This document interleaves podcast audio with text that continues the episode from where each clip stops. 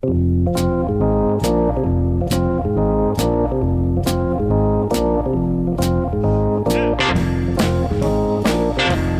Avui, amics, riurem amb l'Anna Ferrer Albertí. Bona nit. Molt bona nit.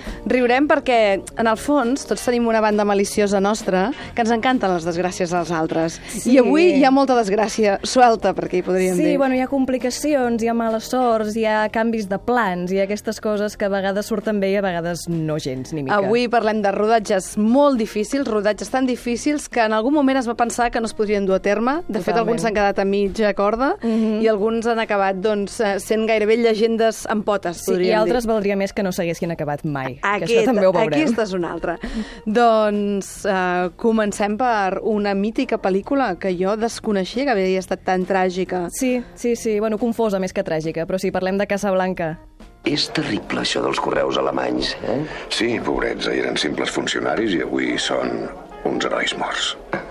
Si vols que et digui la veritat, ets un gran cínic, si em permets la franquesa. Te la permeto. Gràcies. Prendràs una copa amb mi? No.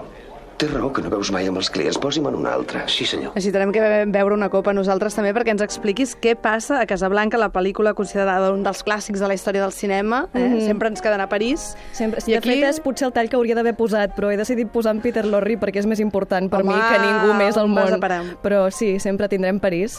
Explica'ns, que, quina és la història de, darrere de Casablanca? El que va passar en Casablanca és que hi va haver bastant un, un follón, se, se hubo un follón, que nadie sabia dónde sabia mi tío.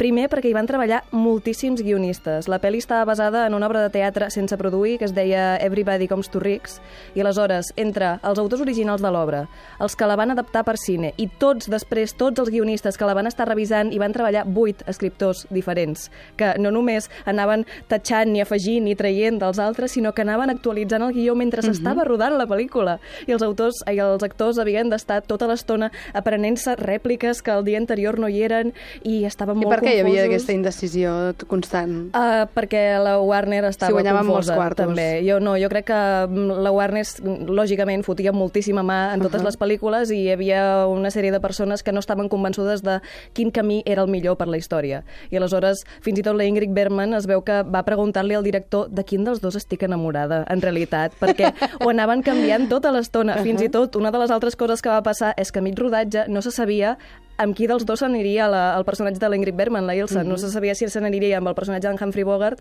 o amb, amb el Víctor Laszlo, que és el guapíssim, no? I... Jo ho hagués tingut clar, eh? I, home, tu també, no? Sí, però el maco és que Però es van quedar... a París. Al final, és, és sorprenent que es quedessin al final més tràgic i més eh, de compromís polític pel que fa a, a la prota. Però... Tenint en compte l'època Sí, i, quan sí, es va, sí. i quan es va fer, etc. Però no? és un final èpic, és un final èpic i, i clar, van, van arribar al, a l'estrellat rapidíssimament, la bona acollida la va tenir de seguida. I una altra cosa que va passar, això durant el procés, que és bastant comú però sorprèn en el cas de Casablanca, és que gairebé tot el repartiment principal i el director, en Michael Curtis, hi van arribar de rebot. Ningú Mhm. era la primera opció per cap dels seus llocs de treball. Però això deu ser bastant comú, no? Això deu Sí. ser bastant... Vaja, que deu passar mm, prou sí, vegades, però és no? allò, per exemple, abans de triar l'Ingrid Bergman van estar fent negocis amb tot tipus d'actrius que, hosti, no, és que tinc un altre projecte, ostres, és que m'han cridat per fer no sé què, ui, és que ara no em ve bé, oi, és que aquest paper no el vull fer, fins que van anar a la Ingrid li van dir què tal, Home, com anem. Ingrid Bergman i Humphrey Bogart no, Sí, no sí. estaven malament la cosa. És que sembla mentida que no es decidissin de seguida perquè ara tenim com incrustada, no?, la imatge d'ells dos. Però, desastres, però sí. desastres de la Warner i d'aquell moment. Uh. -huh. uh, anem a parlar d'un cas èpic, també. Es veu que ara comença veure la llum, però déu-n'hi-do el temps que fa que parlem del senyor Terry Gilliam.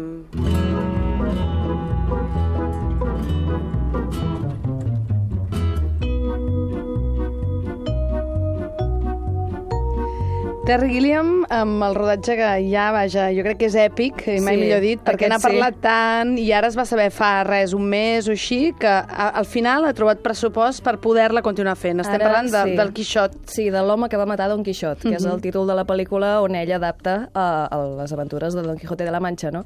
I sí, això és una pel·lícula que va costar moltíssim a molts nivells i es va cancel·lar el rodatge molt aviat. Uh, va començar el rodatge el 2000 d'aquesta pel·lícula, la primera vegada, però ja feia uns 15 anys que en Terry Gilliam hi havia estat treballant, uh, tenint idees per l'adaptació, mm, col·laborant amb un altre guionista per fer un text que fos potent, i ja ho tenia tot. Vull dir, l'any 2000 ho tenia tot, tenia les localitzacions, tenia molt clar tot el que faria, tenia un equip que l'hauria seguit a la fi del món, i aleshores van començar a passar tots els problemes possibles i això ho podem veure a Lost in la Mancha, que és el documental mm -hmm. que com a mínim no tenim la pel·lícula però tenim idea de com hauria anat si s'hagués fet realitat, no?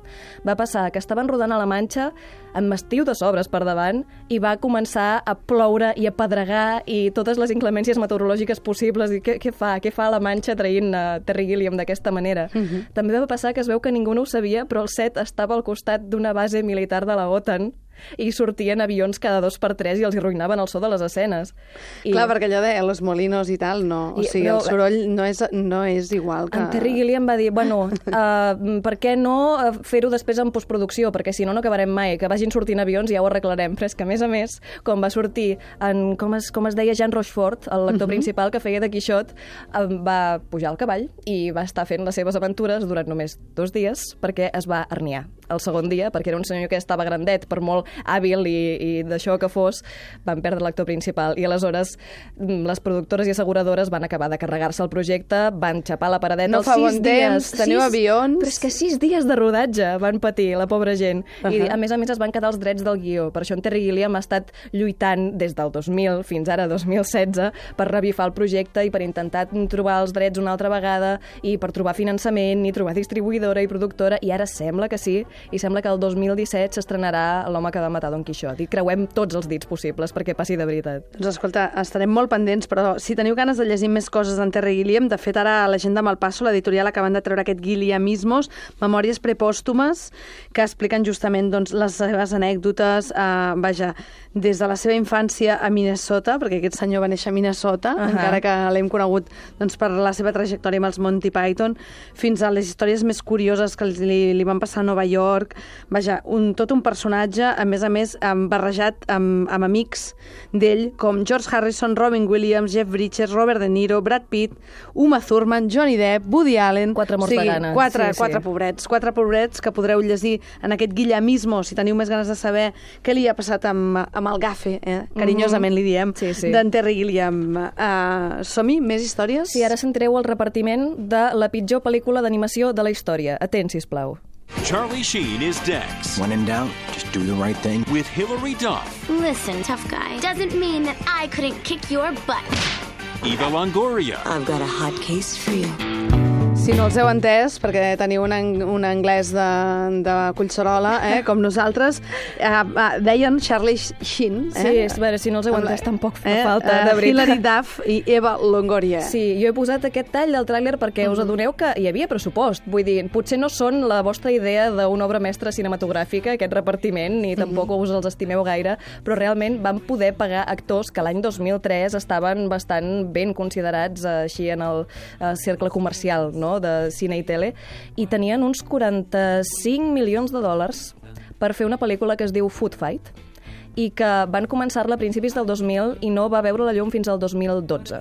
És una pel·li d'animació així digital que és ofensiva. Lo dolenta que és, és ofensiva. I pensa que per estàndards de 2003, que és quan s'havia d'estrenar de, de veritat, ja era dolenta. Però és que el 2012 es va estrenar Brave, saps? Si compares Brave amb Food Fight, és de fotre't un tret al cap. És tan dolenta. Però la van acabar fent. La va... Sí, espera, ara t'explicaré. Ara t'explicaré. Però ah. la idea del nivell de la pel·lícula és que és tan dolenta que no te la pots ni mirar per riure. O sigui, no pots posar-te-la en plan cachondeo i anem, anem a... Unes crispetes i anem no, a riure no és, de tot. No és possible, fa molt de mal. El guió està fatal, l'animació és patètica, els actors no ho fan especialment bé perquè crec que no tenien ningú que els dirigís i, i mhm. tot, tot és, és un, és un... Bueno, l'argument és inconsistent i això el que va de passar... Va? Mm. Del, el que va és...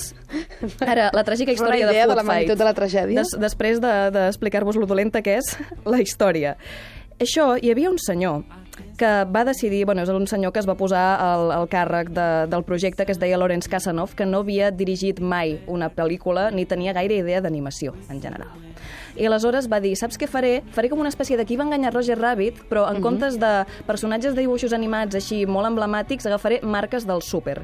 Agafaré en Don Limpio, agafaré les panses de Califòrnia, agafaré el, el, el tigre aquell dels Cheetos i els posaré com a secundaris en una història d'un supermercat que de nit les mascotes de els productes I el Charlie Sheen i l'Eva Longoria i tota aquesta gent, cada un és un xeto o com va això? Són personatges nous que també havien de servir per després de la pel·lícula tenir els seus propis productes. Ho Ahà. Tenien tot arreglat Tot i a més... superpensat en nivells de màrqueting, però no de cinema, I potser. aleshores aquest senyor, que és en Lawrence Casanov, va començar a cagar-la. A partir d'aquí va començar a cagar-la. Va agafar uns guionistes que no servien per res, va agafar uns animadors que jo estic segura que eren molt capaços, però els va fer treballar amb un programa que ningú havia fet servir, els donava ordres contradictòries tota l'estona. Que hi eres allà? Perquè ho expliques d'una manera? No, Com però- es van atrevir a fer-nos això? Però he vist uns quants reportatges que ho expliquen i és gairebé, Mhm. bueno, és tot molt ofensiu en aquesta pel·lícula. I a més va, va fer córrer el rumor, encara no del tot confirmat, i jo no m'ho crec gens, que els hi van robar tot el material a mitja producció i van haver de començar des del principi, però jo crec que ho feia només per allargar i allargar i allargar la data d'estrena perquè no arribaven.